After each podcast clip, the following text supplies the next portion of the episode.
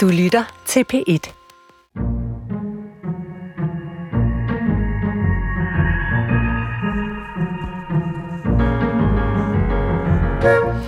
Jeg er blevet fed, så er det sagt. Det, der startede som en uskyldig lille delle, er nu blevet til en hel karamelrand. Og nej, strømpebukserne kan ikke holde fedtet inde længere. Dierne springer, og flæsket bølger ud. Og den her øh, situation skyldes jo efter al sandsynlighed coronanedlukningen. Jeg har nemlig siddet stille alt for længe fordybet i bøgerne. Så nu må jeg altså ud og øh, motionere, og derfor der har jeg for første gang taget litteraturen med i ørerne, og det er der flere og flere, der gør. Både øh, det fysiske bogsalg og lydbogssalget steg markant i 2020, og man kan sige, at den tid øh, er for længst forbi, hvor lydbøger det var sådan nogle fedtede kassettebånd fra øh, biblioteket, som man lige skulle huske at spole tilbage. Så i dag skal du altså skrue godt op for højtalerne, for det hele handler om lyd og litteratur. Hvad er forskellen mellem at lytte og læse en bog, eller er det det samme? Og hvad er fordelene ved at få sine bøger som lyd, og hvilke trends er på vej inden for lydbøger? Vi giver dig alt det nye. Skønlitteratur på P1 er nemlig nu din lille hjælper, hvis du trænger til at komme udenfor og smide lidt kilo, men ikke vil undvære dit bogfix. Jeg er din vært og hedder Nana Mogensen. Velkommen indenfor. Ja, jeg sidder her i al min vælde i studiet i øh, DR-byen, og emnet er i dag lydbøger. Og øh, man kan sige, at salget af dem stiger og stiger, men øh, hvad er det, de kan, og hvem er det, der lytter til dem? Jeg har besøg af en øh, gæst, der forsker i lyd, og hun vil guide os gennem den næste time. Og så kan du høre lydbogsklip fra Christina Hesselholds nye roman, der hedder Feje blade sammen op mod vinden. Det er et værk for flere stemmer. Du kan også høre, hvordan man laver verdens sværeste roman om til lyd. Jeg taler selvfølgelig om James Joyce mammutroman Ulysses. Øh, og så kan du også høre, hvordan det lyder, når en henrettet modstandsmand, så at sige, genopstår i hvert fald som stemme i et afskedsbrev. Og og, og så har jeg også lidt godter med øh, manden med den lækreste stemme i verden, synes jeg. Øh, så der er rigeligt øh, og glæde sig til i øh, den her time. Men allerførst, velkommen til min øh, virgilige underverden, havde jeg nær sagt. Iben Have, øh, er du med os fra Aarhus? Jeg er med, ja. Ja. Tak skal du have. Og jeg skal lige sige, at øh, du sidder som sagt i Aarhus på en linje, jeg er her i København, og du er lektor i medievidenskab ved Aarhus Universitet og forsker i lydmedier. Mm. Og du har lovet at, øh, at ligesom være min guide og hjælpe mig rundt i alt det her det næste time. Det glæder jeg mig til. Når jeg siger det her med, at du er også min guide i underverdenen, så er det jo fordi, jeg er lidt fremmed i den her lydbogsverden, og har taget den til mig, hvad skal man sige, af nød. Altså, jeg er blevet lidt tyk, og hvad gør jeg så, når jeg skal have bøgerne med, så propper jeg dem i ørerne. Er det også sådan, at, øh, at andre begynder at høre lydbøger? Altså, man får et praktisk behov, der gør, at man er nødt til at have litteraturen på en anden måde? Jeg tror, der er mange grunde til det. Altså, hvorfor, hvorfor man flytter sig over på, på, på lydbogen. Men, men, øh, men øh, når man først har gjort det, så er der i hvert fald mange, der siger, jamen så opdager de lige pludselig, hvad det kan. Og øh, jeg har også hørt folk sige, at de kan blive direkte afhængige af at lytte til lydbøger. Så, øh, så når man først er der, så, så, så, så tror jeg, man, man, man bliver der. Men, øh, men der er selvfølgelig også folk, som, som, som synes, det er en irriterende måde at, at tilgå litteratur på, og, og som ryger tilbage til, til den trygte bog igen. Men det der med, at man kan blive afhængig af lydbøger og bare øh, sådan, vi hører hele bogen færdig, eller en hel serie færdig, er det det, man kalder audio binging? Altså ligesom man kan binge, eller sådan, øh, det hedder jo på dansk, yeah, sådan yeah. voldse en hel serie yeah. på Netflix, så, så kan man lave det samme med, med lydbøger. Ja, det har, det har jeg kaldt det i en artikel, jeg har skrevet sammen med en, en tidligere studerende. Men, øh, men, øh, men jo, og det er jo i høj grad også noget, man ser inden for, for podcast, som, som lydbogen jo er beslægtet med på mange måder. Øh, det her med det serielle, ikke? Altså at der er sådan, at øh, de dramatiske kurver, de er tilrettelagt sådan, at man er nødt til at gå videre. Øh, det, det gælder nok i virkeligheden i mindre grad lydbogen, fordi den, den, øh, den har nogle, nogle, nogle længere øh, fortællekurver typisk eller dramaturgiske kurver. Men nu sagde jeg det her med, altså, hvad det egentlig hedder. Siger man øh, lytte til en lydbog, eller læse en lydbog, og, og du ved, er det mm. overhovedet vigtigt, hvad vi kalder det? Altså, mm. hvad, hvad siger du selv om det? Jamen, jeg, jeg bruger begge begreber, øh, alt efter hvilken kontekst jeg er i, øh, og, og det afspejler jo netop, at lydbogen placerer sig mellem to, hvad skal vi kalde det, øh, kulturelle felter her. Ikke? Altså, vi har bogen på den ene side, og øh, forlagsbranchen, og så har vi øh, lydmedierne med, med den teknologi, vi bruger til, til, til at lytte til lydbogen, er jo noget, vi kender fra musik og fra podcast og fra radio og sådan noget. Ikke? Så det er det der møde mellem at læse og lytte, og så er der faktisk... Øh, øh, altså læse, kan man sige, læsebegrebet, det, det, det er jo umiddelbart knyttet til det her med at afkode øh, skrifttegn, trygt, el, trygte eller skrift, skriftlige tegn. Ikke? Mm. Øhm, men så er det klart, at man kan jo godt forstå det her læsebegreb i et større øh, kontekst. Man kan også læse kropssprog og sådan noget. Ikke? Så man kan selvfølgelig også godt læse øh, lyd. Øh, og, og stadigvæk handler det jo også om at afkode sprog, når man, når man lytter til en lydbog. Nu øh, nævnte jeg, at, at, at, at det er steget meget, altså salget af lydbøger, også fysiske bøger. Øhm, og det er måske meget naturligt her sidste år, og vi har haft corona, og man har skulle noget, have, skulle noget at lave. Men, men generelt har der jo også været de senere år en stigning inden for mm. salget af lydbøger. Hvad, hvad tror du, det, det skyldes? Altså, igen er der, er der flere øh, grunde til det. Jeg vil, vil pege på to, som, øh, som jeg har fundet i min forskning, som er jo noget, jeg har, har en forskning, jeg har øh, lavet sammen med min kollega Birgitte Storgård Petersen på Aarhus Universitet. Og vi fremhævede i hvert fald to ting. Det ene, det er selvfølgelig den teknologiske udvikling. At vi lige pludselig fra, et lydbogen var sådan noget, vi havde med i store kassetter eller på LP'er, eller måske var nødt til at tage en ekstra device med ud for at kunne høre det på en Discman eller en Walkman. Ikke? Så er det jo noget, vi har i vores mobiltelefon. Øh, og side om side med, med de andre apps, øh, det er lyd-appen, så ligger der en fra øh, e-reolen, eller Saxo, eller Storytel, eller Mofibo, som det nu hedder, øh, eller hvor vi nu ellers kan, kan lytte fra. Ikke? Så, så, så det er blevet bekvemt og let og, øh, og have med os rundt hele tiden. Let tilgængeligt øh, i kraft af den teknologiske udvikling. Så teknologisk udvikling er en ting. Den anden er også den måde, vi lever på. Altså, at de her moderne mennesker, vi jo er, som gerne vil øh, få så meget ud af vores tid som muligt, øh, og multitasker på forskellige måder. Vi har jo nogle mellemrum i vores hverdag, øh, som vi synes er spildtid mens vi venter på bussen, øh, mens vi sidder på cyklen på vej på arbejde, eller mens vi sidder på en motionscykel eller på et løbebånd, eller hvad det nu kan være. Øh, og den øh, tid kan vi nu fylde med noget meningsfuldt, altså ved at, ved at lytte til en lydbog samtidig med, eller andet lydindhold. Ikke? Øh, så, så, øh, så det handler også lidt om den måde, vi lever på i det moderne samfund, øh, og, og den måde, vi tænker er på med at effektuere vores tid, men også fordi vi pendler øh, mere, end, end, end vi før har gjort. Vi er blevet meget optaget af at motionere, som du også selv nævnte i, i indledningen her. Ikke? Det der med, med at komme ud og gå, altså så kan det ligefrem være en motivationsfaktor. Det har jeg også øh, erfaring med folk, der siger, altså hvis ikke jeg havde den her lydbog, så var jeg aldrig kommet hen i motionscenteret. Så hvis jeg hører hele krig og fred som lydbog, så kan jeg måske øh, slippe af med karamelranden. Eller måske, altså, måske en, en lille det er meget lang tur. Ja, en, en lille Knud Hamson-roman nok. Jeg ved ikke, hvad der skal til. Øh, altså inden vi går i gang med emner, vi skal høre lidt Hesselholdt her om lidt, så, så kunne jeg godt tænke mig, fordi jeg har jo selv nogle fordomme om lydbøger. Altså mm. hvad, hvad er den fordom, du, du selv hyppigst møder, at folk har omkring lydbøger eller imod lydbøger?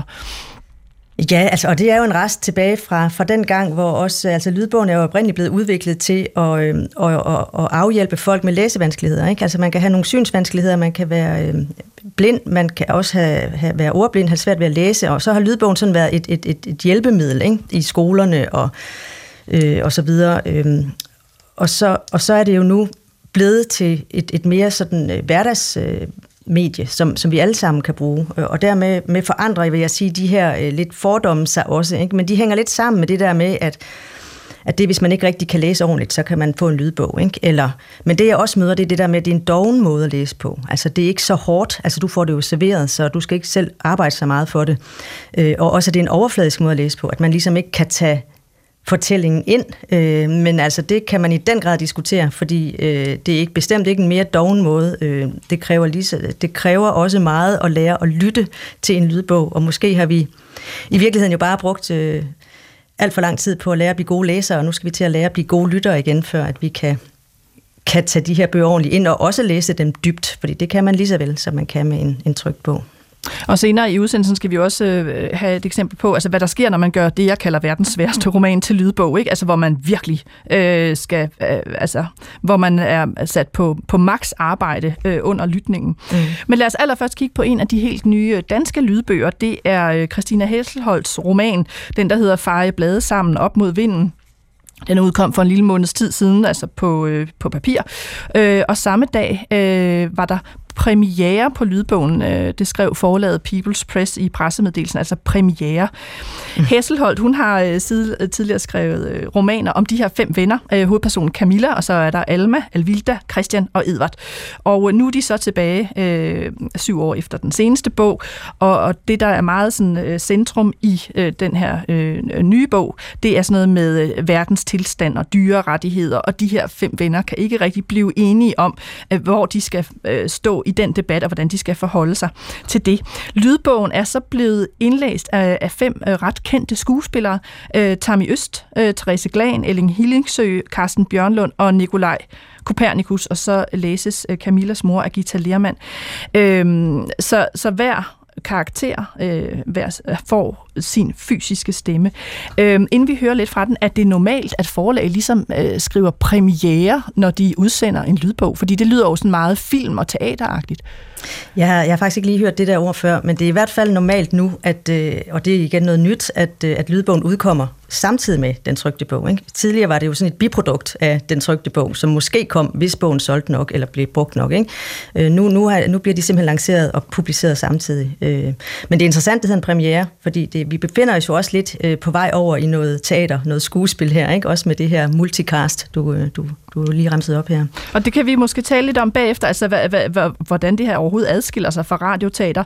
Men, øh, men er det også begyndt, nu har Christina Hesselholt så skrevet, hvad skal man sige, forskellige distinkte stemmer i sin roman, men er det også øh, ved at være en trend, at når man har en, en såkaldt almindelig roman, at man så sætter forskellige oplæsere til at læse de forskellige stemmer? Ja, altså det, det er i hvert fald noget, jeg, jeg ser øh, med den øh, det kendskab, jeg har til de lydbøger, jeg selv har stiftet bekendtskab med, at, at det møder man mere og mere. Jeg, første gang, jeg hørte det, det var i forbindelse med Margaret Atwoods øh, indlæsning, den engelske udgave, øh, indlæsning af hendes øh, The Testament, eller Gileads døtre, som den hedder på dansk, hvor det også er kendte Hollywood-skuespillere, der, der lægger stemme til de her tre kvinder. Øh, og en af dem er faktisk meget interessant. Øh, hvad hedder hun? Anne Doyd, som også spiller Aunt Lydia. Hun, hun er en karakter i bogen, og hun spiller også Aunt Lydia i øh, HBO's øh, tv-serie om... Øh, hvad hedder Handmaid's ja, Tale. om uh, Tina ja, fortælling. Ja, så hendes stemme kender man, og hun går så igen. Ikke? Så, så, så, så, så der mødte jeg det, og jeg synes, det fungerede enormt godt. Men det er ikke, det, det, man kan godt måske kalde det en tendens, eller en begyndende trend.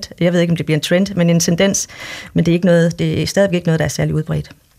Lad os, øh, synes jeg, prøve at høre øh, sådan lige to og et halvt minutter fra den her øh, nye lydbog. Det er Alvilda-karakteren, vi hører først, altså Ellen Hillingsø, øh, som øh, skælder ret meget ud på Camilla og, og emnet for hele det her, øh, det er øh, dyrerettigheder, og så begynder de andre stemmer at blande sig. Prøv at lytte med her. Hallo, Camilla. Du er nede i mørnede papkasser og graver ting frem. Jeg forsøger at garantere en fremtid. Det er dig, der har et barn, Camilla. Og der sidder du og vifter med et guldnet avisudklip af din far, der har modtaget en guldmedalje og breve med gamle skænderier. Du limer fotografier i et album til Greta. Ud på gaden med dig. Lim dig fast til Danish Crown i stedet. Eller til Shell. Eller læng dig til et træ, der skal fældes. Måske Christian vil med. Han er i sig selv radikal, men kan sandsynligvis ikke identificere sig med andre end sig selv. Mere selvoptaget mennesker har aldrig sat fod på denne jord. Måske Alma vil give de umælende en stemme, selvom hun mesker sig i kød og mælk. Nej, det vil jeg ikke. Det må I selv klare. Jeg vil ikke menneskeliggøre dyrene ved at lade dem snakke. I må selv finde ud af, hvordan den gravide ko kunne lyde. Dyr har ingen sjæl. Dyr ved ikke engang, de skal dø. I hvert fald ikke før det lige op over. Mit hjerte banker for flygtningebørn. Synet af dem får landbrugsdyrenes skæbne til at blegne. Man må vælge sin sag. Man kan ikke frelse hele verden. Og jeg fatter ikke, hvordan du, Alvilda, der går op og ned af børn dagen lang på skolen, kan være ligeglad med andre børn. Eller dig, Camilla, for den sags skyld, der selv har et. Camilla og Alvilda. Jeg er ikke ligeglad. Og nu taler I også i kor. Camilla. Både Elsa Morante og Leo Tolstoy menneskeliggør dyrene. I historien har familiehunden lange indre monologer, og i Anna Karenina ønsker Leovins jagthund, at dens i øvrigt udmærkede herre ikke havde så frygtelige øjne. Jeg er, som I ved, meget knyttet til hunden. min lille hund, min kompagnon, min sjæleven, der ved forholdsvis nøjagtigt, hvordan jeg har det, og også omvendt, vil jeg påstå, for jeg kan se det i dens øjne. Forløber jeg mig og taler et øjeblik hårdt til den, fordi jeg vil være i fred og ikke spille bold med den, ser den overrasket og såret på mig. Hvis jeg græder, kommer den og sætter sig tæt op af mig og lægger hovedet på min skulder. Det tætteste, man kommer en omfavnelse med en, der ikke har arme. Vi hører sammen, tænker jeg så. Men når den så ude på gaden eller i buskaget i parken giver sig til at spise noget virkelig afskyeligt med den største fornøjelse, så tænker jeg, nej, vi er dog dyr og menneske, ikke to halvdyr eller to halvmennesker, og så trækker jeg i snoren og forsøger at ryste det unævnlige ud af munden på den, uden at røre ved det, men den låser kæberne og sluger det. Alma, sig mig, hvad fodrer du egentlig hunden med? Er den også vegetar? Nej, dyrlægen siger, at det ikke vil være godt for dens immunforsvar. Ja, her var der altså en bid fra øh, lydbogen af Christina Hesselholds Feje Blade sammen op mod vinden, udkommet på People's Press. Øhm, Iben Have, når man hører det her, så tænker jeg jo, hvad er forskellen mellem radioteater, det man hørte i gamle dage, og så en lydbog? Iben Have, er du med os? Jeg tror, at Iben sidder derovre, men vi mangler lidt til forbindelsen. Nå, øh, så kan jeg jo igen lige sige, at de skuespillere, vi hørte her, det var Tami Øst og øh, Therese Glan, Ellen Hillingsø og Hals og Herrestemmerne kommer senere, Carsten Bjørnlund og Nikolaj Kopernikus. Øhm, og det er altså den nye lydbog fra Camilla Hesselholds roman, vi øh, taler om nu. Så vil jeg lige prøve at høre, om Iben er kommet tilbage. Nej, det er hun ikke. Så går vi videre. Øh, vi skal nok få Iben tilbage i studiet igen med et lille interview, øh, min praktikant har lavet med øh, en af lydbogsindlæserne, fordi det er jo meget interessant at høre, hvordan arbejder man så med de her forskellige stemmer. Det er et interview med Tammy Øst, skuespilleren Tammy Øst, som altså har mange lydbogsindlæsninger bag sig. Og øh, Katinka Pol fangede hende på mobilen på vej hjem fra det kongelige teater, hvor hun altså Tami Øst, jo for tiden er i gang med prøver på en ny forestilling. Og øh, produktionen af lydbogen Feje Blade sammen op mod vinden har været ledet af Bjørn Bengtsson, som er digital redaktør på People's Press. Og man kan jo så sige, at det er ham, der har instrueret produktionen. Og det er også det første, Tami Øst svarer på her i det lille interview på et par minutter, nemlig hvordan er instruktionen af den her indlæsning foregået. Her er det Tami Øst. Lige i det her tilfælde med fejblade sammen mod vinden, der øh, var der øh, Bjørn øh, Bengtsson fra People's Press, som, som øh, dels havde castet til mennesker, øh, som, som vi er på den bog, og som så også hvad skal man sige, ja, instruere det og, og få det til at og, og, øh, at spille sammen, sådan, så vi ligesom ikke sådan byder i øst og vest, at nogen spiller voldsomt ud, eller at nogen spiller slet ikke. At du ved, øh, Bjørn han har nogle gange sagt til mig, at du er sådan en, der spiller meget, og så er der nogen, der gør det mindre. Ikke? Men altså, det, det, det er sådan, Ja, det er min stil, og det er det, jeg synes skal til, og det er noget, jeg har udviklet over tid øh, med, med de lydbøger, jeg har lavet gennem mit liv, at jeg synes, at der skal antydninger af dynamikker. Det er ikke, fordi jeg sådan tænker, den her karakter skal være sådan og sådan, ham der, den karakter skal være sådan og sådan, fordi det skal være sådan et lidt større flow, man har, det er et større overblik, man har over bogen, fordi du har også begrænset tid til det, og ofte sidder man selv og laver det. Så lige i det her tilfælde var det sådan lidt, øh, anderledes, end jeg ellers plejer, for der sidder jeg selv og, og, og indspiller det og, og stopper, når jeg har lavet fejl, eller redigerer det og bare sådan noget. Ikke? Der er jeg sådan mere min egen herre. Nu sagde du selv noget med det der med at have læst, have et overblik over, over ja. bogen, og sådan, tænker du, altså, hvor meget tænker du over, at det er en karakter, øh, du indlæser? Ja, altså lige i det her tilfælde, der er det jo ligesom mere skrevet, som at det er nogen, som er øh, roller på den måde det, det er mere sådan en musikalsk gåen til værks, end det er, at man graver sig ned i et kæmpe karakterarbejde, fordi sådan er det jo ikke, når man læser en bog. Jeg skal jo formidle noget, så det stadig kan være op til lytteren og, og, og lave sine egne billeder. Jeg skal jo ikke æde billederne for, for dem. Men det er rigtigt forstået, hvis du synes, øhm, at der måske var lidt mere potentiale for karakterindlevning i, i den her roman, måske, end nogle af de andre Øh, ja, altså både og. Man kan jo sige, at karaktererne er jo også foldet ud ved, at det er forskellige stemmer. Så allerede det er jo noget, øh, som gør noget for lytteren. Altså jeg vil sige, arbejdet med at læse det ind er jo i og for sig stort set det samme, fordi, men nu står jeg bare op imod nogle andre stemmer, og det bliver jo så Bjørns arbejde at finde ud af, hvordan står vi op imod hinanden, ikke?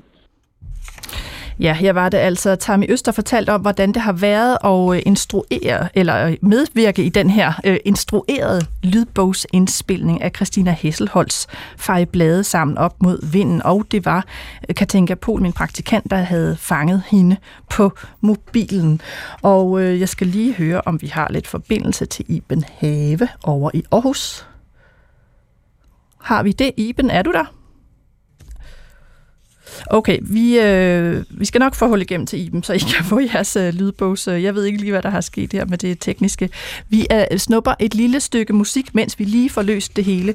Og øh, det er øh, selvfølgelig et øh, nummer, der også handler om øh, lyd og litteratur i kombination, og det er en single, der er lavet med udgangspunkt i netop litteratur. Den er aktuel i forbindelse med en ny roman, der udkommer lige om lidt, og det er Leonora Christina Skovs øh, fortsættelse til den store succes, hun havde for et par år siden med en selvbiografisk roman. Den nye roman hedder Hvis vi ikke taler om det, og nu er der altså lavet en single, hvor øh, Christina Holgersen synger med udgangspunkt i tekstmaterialet, og den prøver vi at høre lidt af her.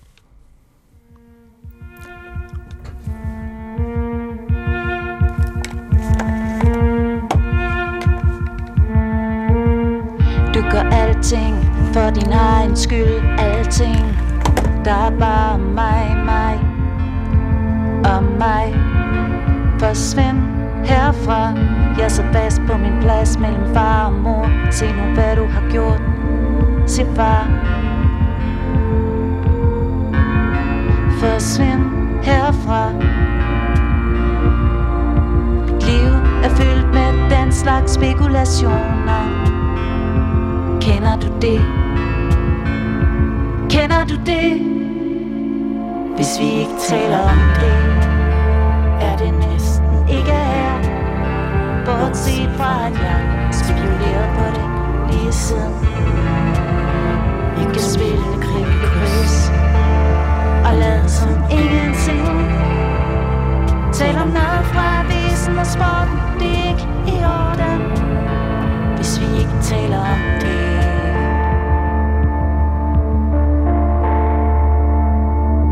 kan råbe mig ind i mit hoved Råbe mig ud af Helsinge.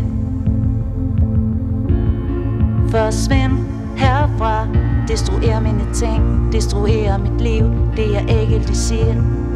Det er bare Forsvind herfra. Dagen efter var Ligesom de fleste Kender du det? Kender du det?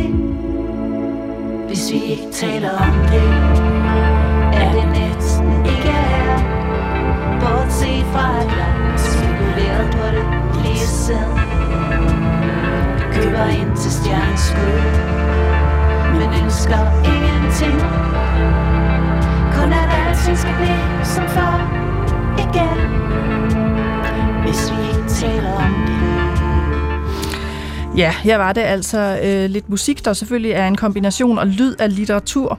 Det var sanger og sangskriver Christina Holgersen med singlen Hvis vi ikke taler om det, og det er første single fra det album, der hedder Kapau Goodbye, Tak og Undskyld, som udkommer 7. maj, og som altså er lavet med udgangspunkt i Leonora Christina Skovs kommende roman, der også hedder Hvis vi ikke taler om det. Og øh, før øh, blev vi jo afbrudt af lidt øh, servernedgang eller sådan noget, øh, og så er det jo meget godt, at man stadig har sin gode gammeldags stemme, øh, så vi kan tale videre. Det handler om lydbøger, og det er skønlitteratur på P1, og jeg skal lige høre, om Iben er du med mig? Jeg er nu med på en øh, telefon. Det ved du hvad, sådan er det nogle gange, øh, men det er godt, du er der. Øh, og du fik øh, nok hørt øh, lydbogsindlæsningen af... Ja, jeg tror faktisk, det er noget til ende. Det er noget til ende, og så var ja. der et lille interview med Tami Øst bagefter, der fortalte, mm-hmm. hvordan det, det havde det været øh, at, at arbejde med, med det her øh, lydbogsformat.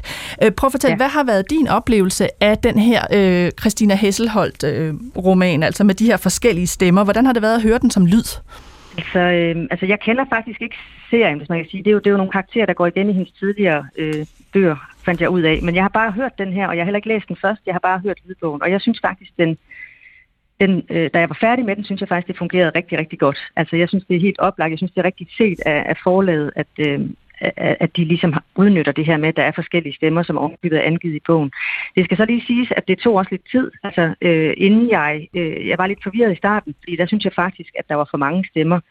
Øh, der er jo faktisk også en, en stemme mere, netop øh, Michael øh, Brostrup, som som, hvad skal man sige, introducerer hele lydbogen og øh, læser de øh, indledende citater og øh, introducerer alle kapitlerne. Øh, og, og de der tak til sidst. Og så vidt jeg kan se, lægger han også stemme til, til, til forskellige øh, små karakterer, dyr og så videre i løbet af, i løbet af bogen. Men øh, så, så, så der er ret mange stemmer indover, og det kan godt forvirre lidt, ind, indtil man lærer de her karakterer at kende. Og så er det jo en, en, øh, en, en god hjælp, kan man sige, at man ikke, fordi i, i bogen, der står der jo ligesom sådan i parentes angivet, at nu er det Camilla, eller nu er det Alma, og så kan der jo gå 10, 15 sider, inden det bliver en anden. Og der, kan, altså, der skal man måske bladre tilbage og sige, hvem er det nu lige, der taler her? Det får man jo direkte med det samme med, med de her oplæsere. Men det spørgsmål, jeg egentlig stillede dig, hvor, hvor, hvor du så forsvandt, det var jo, hvad er forskellen mellem det her og så det gammeldags radioteater i virkeligheden? Ja, ja. Men altså, det er, jo, det er jo også spændende, fordi det her det er jo et tegn på, at lydbogen flytter sig øh, og eksperimenterer, kan man sige. Ikke? Øhm, og det her, nu blev det jo læst op i en radio, jeg vil tro, at mange lytter også tænkte, at det er da egentlig god radio, det her, eller det kunne godt fungere som radio. Det kunne også have været øh, øh, et, et, et, et teateroplæsning eller et eller andet. Ja, sådan noget så radiodrama fra gamle dage. Så jeg, Ja, så jeg vil sige, at forskellen det handler jo om det medie, som vi, vi tilgår det igennem. Altså, øh, jeg har nogle bestemte forventninger, når jeg streamer en lydbog eller låner en, en lydbog på e-reolen. Øhm, og man kan også sige, at det, at der, ligger en, eller der ligger en, en skreven bog, en trykt bog samtidig med det her, er jo også en forskel for øh, radioteater. Selvom radioteater jo også er skrevet ned, altså så er det tænkt i udgangspunktet ind i et andet medie.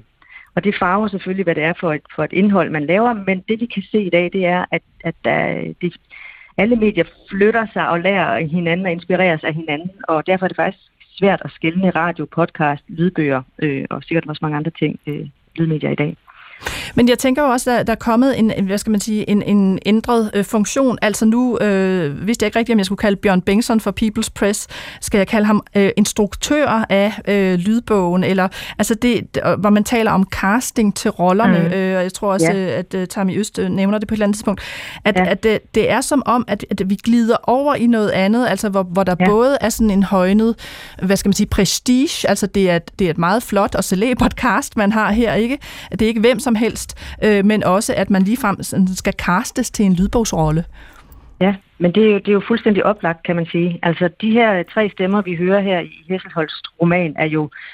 Øh, og det er det, jeg synes, er det gode ved den. Altså, det er helt klart, gjort, at man har gjort sig nogle overvejelser over, hvem, hvem skal vi bruge til det her, og de har haft mulighed for at, at, at forberede sig helt sikkert, og, og, og, og, hvad skal man sige, også læse bogen godt igennem, og der har muligvis været en, en, en instruktør også samtidig med, ikke?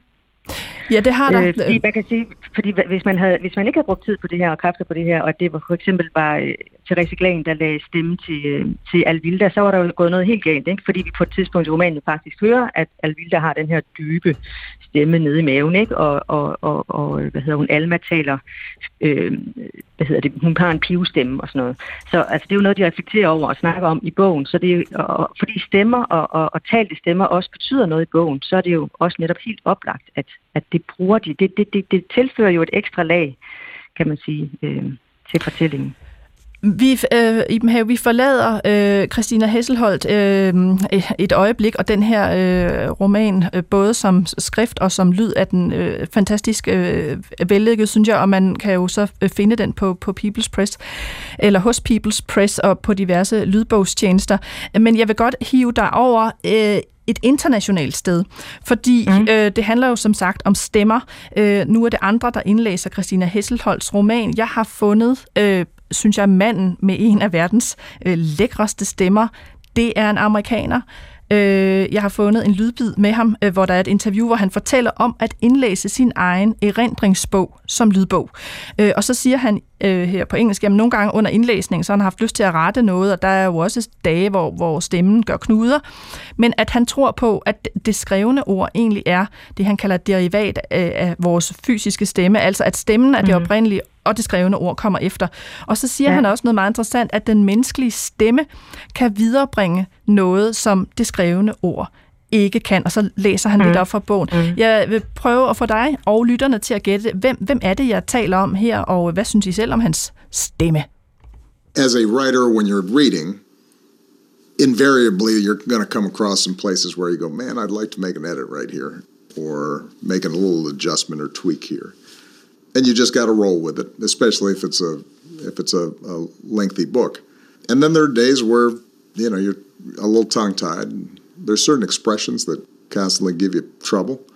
Um, but overall, you know, it, it's a reminder that the written word, uh, you know, is, is ultimately a derivative of our voices. And, and, and the human voice, I think, uh, maybe can transmit some things that the written page can't. I'm hopeful that people uh, enjoy uh, enjoy listening to it uh, if uh, if they don't have an opportunity to read it.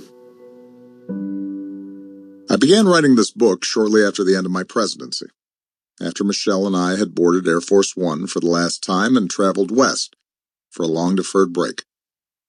The mood on the plane was bittersweet. Both of us were drained, physically and emotionally. Not only by the labors of the previous eight years, but by the unexpected result of an election in which someone diametrically opposed to everything we stood for had been chosen as my successor. Ja, her løber den øh, lækre stemme ud. Øh, Iben Have, allerførst, synes du også, han har en god stemme?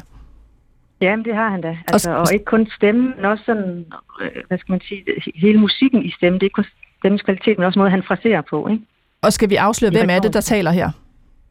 Er må ikke, det er øh, en tidligere amerikansk præsident. Det er nemlig Barack Obama, ja. og han, han taler om øh, den erindringsbog, han har udgivet for ikke længe siden, der hedder A Promised Land, og den hedder Et forjættet land på, på dansk. Den indlæser han selv. Altså, hvad betyder det for vores oplevelse, når forfatteren selv indlæser værket? Jamen altså, det, det betyder øh, meget. Altså, det betyder, at der, der, der, der bliver det er sådan en ekstra autenticitet, der bliver lagt, lagt henover, kan man sige. Ikke? Altså, og, og, men det, som alle stemmer jo gør, hvad det er forfatteren selv, altså, det er, at de giver, de giver øh, sproget en krop. Ikke? Altså, og det her ovenikøbet hans egen levede krop her. Fordi altså, stemmen, den, den, den øh, formidler jo øh, den krop den kommer fra. Ikke? Altså det er jo noget med, hvordan er vi fysiologisk skabt. Altså har, hvad for nogle resonansrum har vi i hovedet, at de øh, skaber det dybe stemmer, eller øh, øh, hvad hedder det, diskante stemmer, men også alder. Altså øh, jeg synes, det er interessant at høre det her. Jeg havde ikke øh, hørt den her bog læst, læst op af ham før, men han er jo kendt for at læse sine egne øh, biografier op. Og den sidste, jeg læste, som han udgav der i, var det 2006 eller sådan noget, der er hans stemme helt sikkert yngre.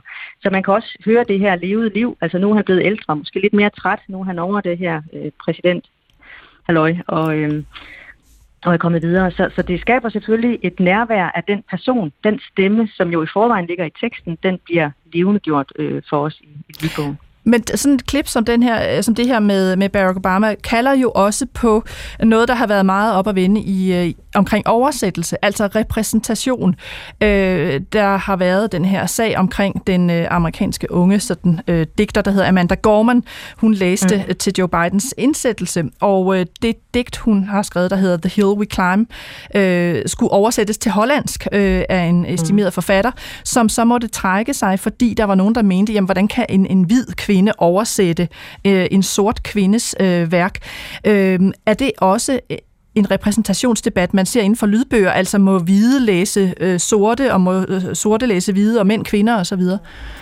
Altså jeg er sikker på, at den findes øh, rundt omkring derude, men det er jo ikke en debat, vi har haft offentligt på samme måde, som vi har med, med, med oversætterne. Øh, øh, jeg har prøvet at lave et par pip rundt omkring, omkring, at jeg synes, at det er mindst en lige så vigtig øh, debat at tage, når vi snakker lydbogsindlæsning, som vi når vi snakker oversættelse. I virkeligheden kan de to øh, professionelle roller, som det jo er, både at være en professionel lydbogsindlæser og en professionel oversætter, de kan godt sammenlignes, ikke? fordi øh, man, man kan jo som oversætter, eller som måske i særlig grad som lydbogsindlæser, ikke undgå at præge øh, indholdet tone det i en eller anden art, og man vælger at oversætte et ord på en eller anden måde, eller man vælger at betone et ord på en eller anden måde, eller bare det, man kommer med med sin egen øh, øh krop, farver jo øh, det, der bliver læst. Så, så, så selvfølgelig er det en relevant debat at tage, også i forbindelse med lydbogsindlæsning. Jeg har bare ikke mødt den offentligt endnu. Jeg kan i hvert fald se, at sådan en roman som, som Toni Morrisons øh, Elsket er indlæst af øh, Tine Gotthelf. Det er sådan en hvid skuespillerinde, der læser. Øh, ja.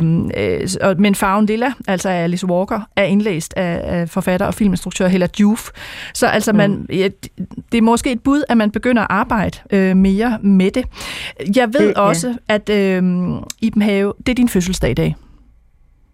Ja, det er det. Og så har jeg faktisk en lille øh, lydgave til dig, fordi prøv at fortælle mig, hvem er din yndlingslydbogsindlæser? Jamen, det, det, det flytter sig lidt, men den, der har, øh, den, der har været længst som min yndlingsoplæser, øh, som jeg også har, har skrevet om i den bog, jeg har udgivet, der hedder, hedder Ro, det er, det er jo Carsten Faros stemme.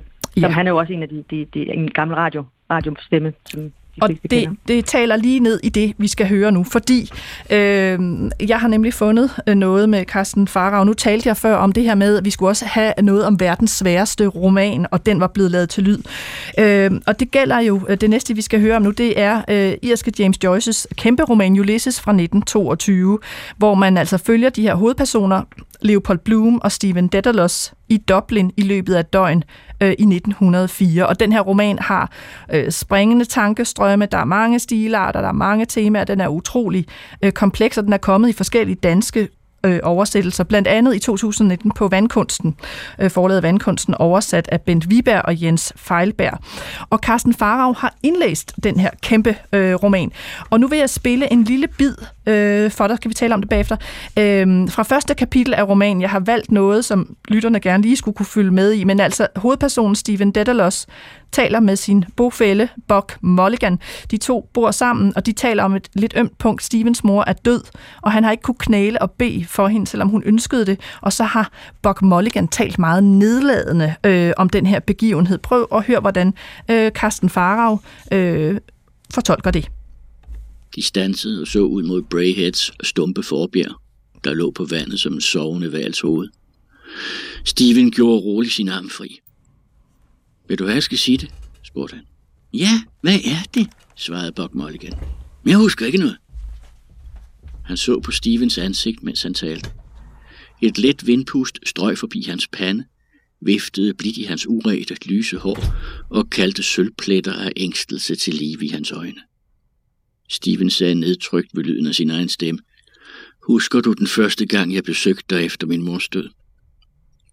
Men hurtig panderynken, sagde Buck Mulligan. Hvad? Hvor? Jeg mindes intet. Jeg husker kun idéer og fornemmelser. Men hvorfor? Hvad skete der der i himlens navn? Du var ved at lave te, sagde Steven, og gik over trappeafsatsen for at hente mere varmt vand. Din mor og en gæst kom ud fra dagligstuen. Hun spurgte dig, hvem der var inde på dit værelse. Ja, så, sagde Buck Mulligan. Men hvad sagde jeg? Ja, det har jeg glemt. Du sagde, og det er bare Daedalus, hvis mor er kreperet, svarede Steven.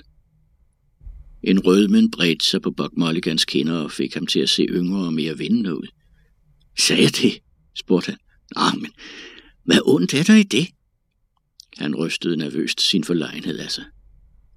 Og hvad er så døden? spurgte han. Din mors, eller din, eller min egen. Du har kun set din mor dø. Jeg ser dem krasse af hver dag på Mater og Richmond og blive snittet i stykker på sektionsstuen. Ja, det er forfærdeligt. Og ikke andet. Det betyder ingenting. Simpelthen. Du ville ikke klæle ned for at bede for din mor på hendes dødsleje, da hun bad dig om det. Hvorfor? Fordi du har det forbandede isoidiske islet i dig.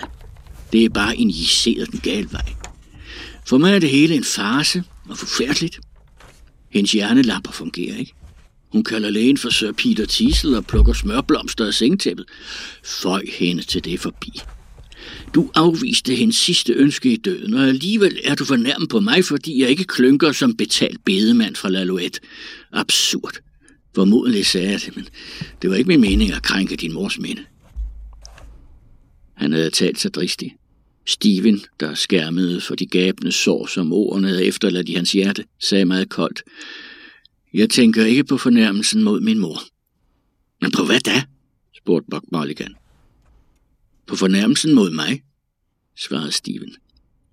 Buck Mulligan drejede hastigt om på hælen. Ah, umulig menneske, udbrød han. Ja, her var det øh, Carsten Farag, der læste et uddrag af Ulysses fra forlaget Vandkunsten, oversat af Bent Viberg og Jens Feilberg. Og øh, Iben Have med os fra Aarhus Lydforsker. Øh, temaet er jo i dag lyd bøger. Det her er jo en utrolig øh, kompleks roman, og hvis man sidder med nogle af de fysiske sider fra bogen, øh, som jeg også har sendt til dig, så er der jo et noteapparat af den anden verden. Man kan sige, at de noter bliver jo ikke læst med, det er heller ikke forfatterens arbejde, men der kan man vel tale om, at lydbogslytning på sin vis er meget svær, fordi jeg kan jo ikke tilgå øh, noterne, når jeg lige sidder og lytter. Nej, det kan du godt sige, at den er, den er svær på den måde, altså fordi du ikke får forklaret alle de der henvisninger, som der jo ligger i teksten. Øh, men man kan jo også sige, at den bliver lettere øh, at forstå, måske i virkeligheden, fordi Carsten Faro øh, ukompliceret, altså det er jo meget ukompliceret og meget sådan afslappet måde, han læser op på her, ikke? Altså, øh, og det er, det er let at, at, at fange, øh, efter min mening i hvert fald, hvad, hvad, hvad, handlingen er og hvad det er, der sker. Så, så der får man måske i virkeligheden også noget, noget formidling foræret i forhold til, at man ikke behøver at sidde og kæmpe med ordene, men, men, øh, får dem artikuleret. Men det, jamen, det, det vil jeg også sige, det kræver jo så virkelig også et vidensniveau af lyd, lydbogsindlæseren. Altså når man skal, der er en del både nærmest latin og græsk og, og irske folkesange mm. og alt muligt andet ja. i den her. Og som sagt, jeg har valgt et af de lidt nemmere stykker, så lytterne kan følge med. Men, men det kræver jo så også et enormt vidensniveau af den, der skal indlæse.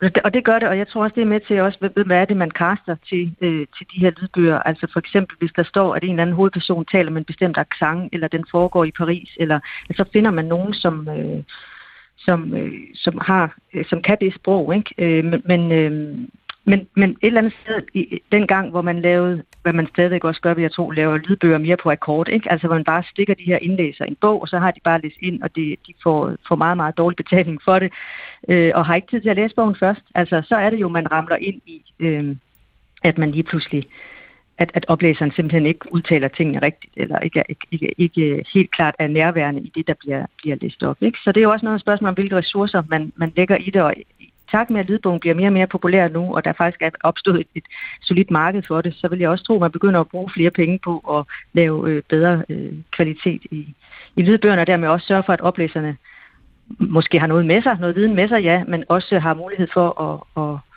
research, eller hvad man skal sige, læse bogen først nogle gange måske endda, og, og, og undersøge, hvordan udtaler man det her ord, eller hvad, hvad, hvad vil de sige, og, og ja, det man læser. Ikke? Men hvis vi griber tilbage til, til det lille interview med Tammy Øst, så sagde hun jo, at noget af det, der var vigtigt for hende, også når hun arbejdede med lydbog, det var jo, at hun skulle jo ikke, altså hun skulle efterlade rum til lytteren. Øh, hun skulle ikke sådan presse billeder ned over hovedet på den, der, der, skulle, øh, der skulle lytte til den her bog. Øhm, nu sagde du, at Carsten Farve var en af dine yndlingslydbogsindlæser. Altså er det mm. det, du synes, en god lydbogsindlæser kan, øh, hvad skal man sige, lave en form for for rum, altså ikke overfortolke eller øh, fortolke det hele? Ja, altså jeg tror, for mig handler det rigtig meget om øh, energien i den stemme og fraseringen. Altså nu har jeg også en baggrund fra, fra musikvidenskab. Altså jeg synes, der er jo rigtig meget musik i det her, og altså øh, der har også været en tendens til, at mange lydbogsoplæsere er lidt for sådan teater, øh, skuespiller, øh, vel overartikuleret, vil jeg endda kalde det. Ikke? Altså for mig handler det meget om, at stemmen slapper af, og den er i et flow og en rytme. Øh, og jeg synes, Faro, han er god til at lande på de der punkter og, og, og ændre sin stemme øh, en lille smule, men, men ikke for meget. Og det peger måske tilbage til det, du sagde ikke også med, at det skal ikke overdramatiseres øh, eller overgøres. Øh. Så jo, du kan, det kan jeg måske godt sige, at jeg, at jeg er også en af dem, der gerne vil have lidt øh, formidling med, men, eller, men, ikke, men ikke, øh, ikke for meget. Og det er også det, når vi taler med folk i forbindelse med vores forskning, så er det også det, vi hører langt de fleste sige, at de her hverdagslyttere, ikke? Altså gerne have en vis dramatisering med ind, men det skal heller ikke tage overhånd. Og der tror jeg altså, at, at skuespillerne også har Altså, der kan også være gode og dårlige lydbogsindlæser blandt skuespillerne, og der handler det i høj grad om, tror jeg, at man lægger det der teaterdialogen fra sig. Lidt ligesom vi sådan set også har har set det på tv. Ikke? Altså der var, havde man også tv-teatret i nogle år, hvor, ja, det ved jeg ikke, det var måske i virkeligheden teateroptagelse, men i hvert fald, øh, at skuespillerne det talte meget tydeligt og ordentligt og korrekt og, og pænt. Ikke? Og så, og så tit til øh, det her drama i dag, hvor, hvor det er mere sådan hverdagssprog, og hvor folk så ringer ind og siger, at de ikke kan høre, hvad der bliver sagt, fordi er sådan og sådan noget. Ikke? Men det er sådan en bevægelse mod det forestillede, øh, opstillede sprog, øh, kunstige sprog, over imod en, en mere, nat, et mere naturligt øh, mundtligt flow. Som, for det er jo også noget med at vende tilbage til en mundtlighed, og det synes jeg, øh, Faro han gør rigtig fint. Nu har vi i hvert fald præsenteret øh, lytterne for, for, for det, og jeg er sådan set også enig med dig i, at hvis man synes, Ulysses er så værd, skal man måske prøve lydbø, lydbogen, fordi at de her karakterer jo på en eller anden måde rejser sig fra siden. Altså man får i hvert fald et ja. andet greb om dem, i stedet for at man læser sig igennem, og alle noter og alle henvisninger. Det er et bud på og, at, få, at få læst og, den. Og apropos, så, vil, så er den jo inspireret af Odysseen også. Nu kom jeg til at tænke på, at, at da mine øh, døtre de havde oldtidskundskab i, øh, i gymnasiet, så synes jeg også, de skulle tage og, og lytte til Iliaden frem for at, at læse den. Øh, og og så, så, så, så det er det samme råd, øh, ikke kun med Joyce, men måske også med Homer, i forhold til, at det, en, det kan være en mere let tilgængelig måde at gå til de her lidt svære tekster på. Og så er det øh, og Iliaden jo skrevet til, til at blive læst op, kan man sige. Iben have, vi skal nå den sidste genre, jeg vil præsentere. Nu har jeg sådan prøvet at give, eller vi har prøvet at give sådan et, en bred vifte af forskellige øh, lydbogsfænomener. Øh, og øh, der er jo så også den genre, hvor der er noget faktuelt indhold, øh, som skriveren øh, måske aldrig havde tænkt skulle læses op af en anden. Øh, her den 9. april i år udkom øh, den lydbog, der hedder De sidste timer. Den er oprindeligt udgivet som en bogform, og det er afskedsbreve skrevet i årene 1943 til 45 af øh, dødstømte danske øh, frihedskæmper. Det er breve, de har skrevet til deres kære kort før de skulle henrettes, og nu er de her breve så blevet indlæst af 88 danske skuespillere, øh, som hver deler geografisk ophav med den dødsdømte. Altså man har prøvet at ramme geografien med øh, den geografi, som den dødsdømte egentlig kom for i forhold til dialekt og sådan noget. Lydbogen er udkommet på, øh, på Mofibo indtil videre, og så bliver den øh, tilgængelig andre steder senere. Jeg synes, vi skal prøve at høre øh, det afskedsbrev, som modstandsmanden Jens Tue Jensen skrev i marts Øh, 45 kort før han blev henrettet. Han var 22 år gammel og blev henrettet i Ryvangen. Det er øh, skuespiller og øh, skuespilchef på Det Kongelige Teater, Morten Kirkskov, der læser her de næste to minutter. 10. marts 1945. Kære far, kære mor og kære alle søstre. Når I får det her brev, er jeg sikkert ikke mere. Men sørg ikke over mig. Jeg er død med en god samvittighed. Mit liv blev kort, men jeg har ikke noget at beklage mig over. Der er meget i mit liv, jeg gerne vil have ville gøre om, men jeg har tillid til Gud. Han skal nok hjælpe mig. Også gennem det sidste. Jeg ved, at I begge to, far og mor, har vist mig den rette vej her i livet.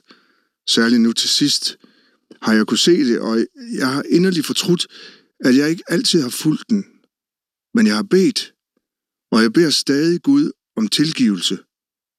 Og jeg tror også nok, han vil høre mig. Sørg ikke over mig, for jeg synes kun, jeg har gjort, som min samvittighed bød mig. Og det må være det, man skal gøre her i livet. Jeg tror også, jeg kan gå døden rolig i møde. Jeg ved, at Gud er med mig. Tænk blot på alle de mange, der har måttet dø som mig under den her krig. Det vil sikkert gøre det lettere for jer. Og jeg ved jo også, at Gud vil hjælpe jer over dette. Jeg vil også gerne, far, om du for de sidste penge, jeg har for min forsikring, vil oprette et legat på skolen i Ribe. Jeg tror, det er den bedste måde, de kan bruges på. Til slut vil jeg bede jer hilse alle venner og bekendte. Kærlig hilsen til far, mor, alle søstre og svoger, også til Anne Margrethe og Åse fra Jens Tue. Ja, altså her øh, afskedsbrevet fra modstandsmanden Jens Tue Jensen, fra den lydbog, der lige er udkommet, øh, der hedder De sidste timer, som er et samarbejde mellem Frihedsmuseets Venners Forlagsfond og øh, Mofibo. Iben Have, hvad, hvad tænker du, når du hører øh, den her indlæsning? Øh, ja, jeg, tæ- jeg tænker mange ting. Nu, øh, nu øh, stammer, jeg har selv en, en, en gammel far fra, fra Ribe, der blev taget af tyskerne og ført i koncentrationslejr, så lige umiddelbart så er jeg bare sådan meget rørt over det her med penge til skolen i Ribe, og hvor min, hvor min far voksede op. Og, så, øh, så, så jeg blev sådan set fanget ind af den. Jeg synes også, øh, jeg synes, det er et meget fint projekt, det her, og jeg synes også, altså det er helt tydeligt, at, at, at det, er jo, det er jo delikat, det er jo følelses, øh, det, det er jo... Øh,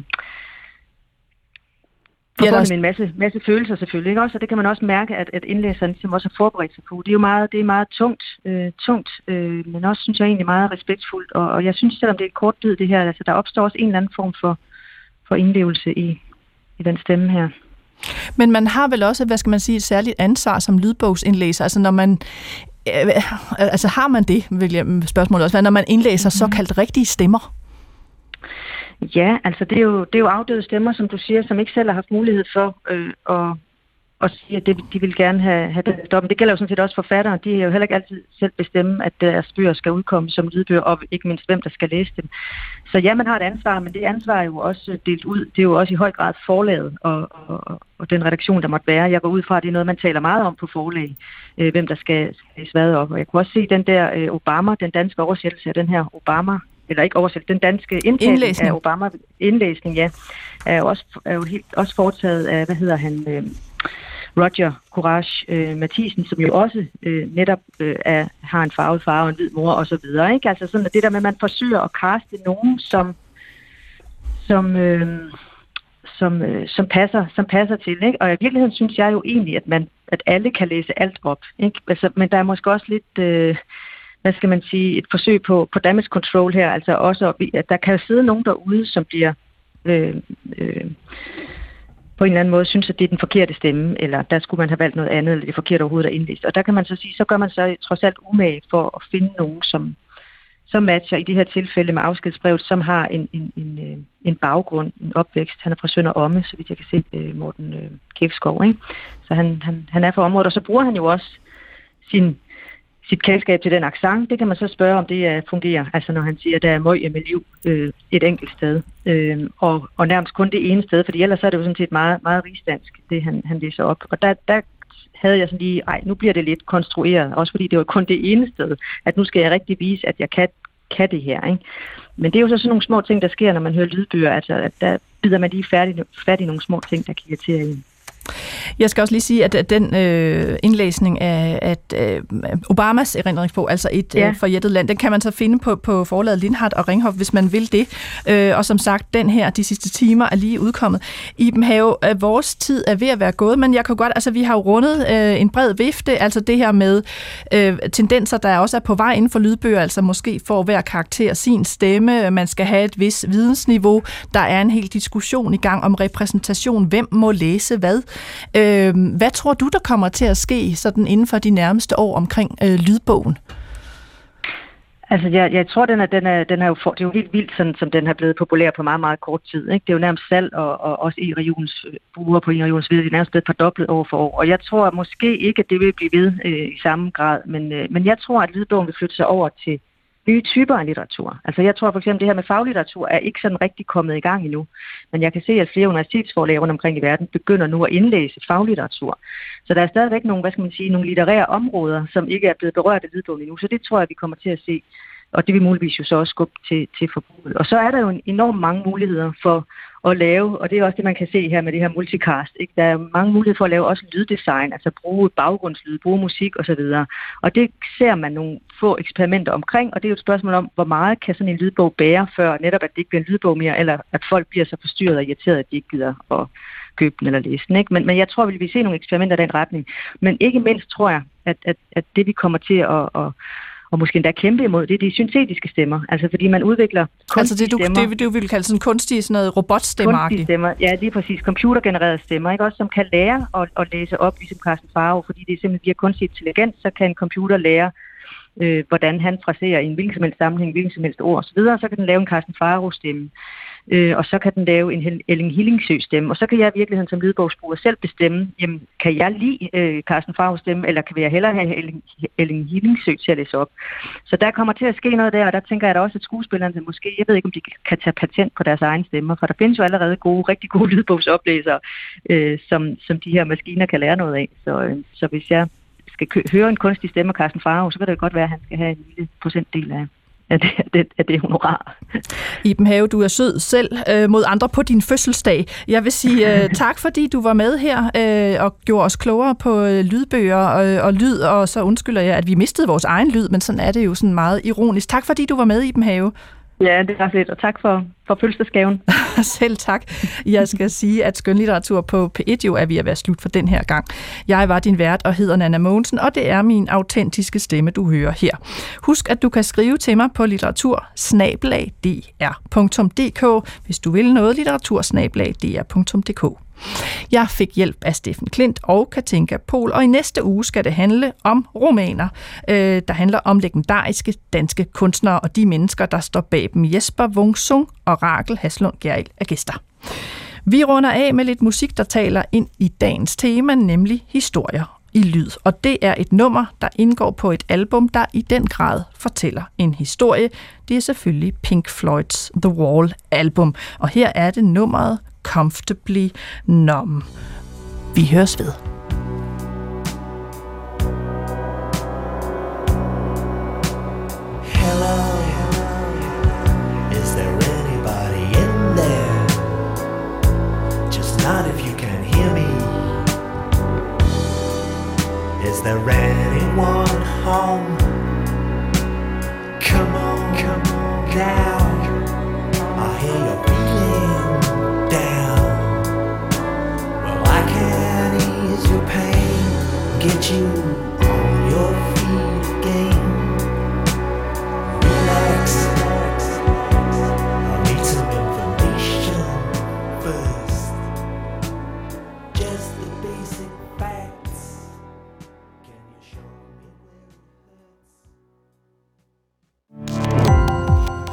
Gå på opdagelse i alle DR's podcast og radioprogrammer. I appen DR Lyd.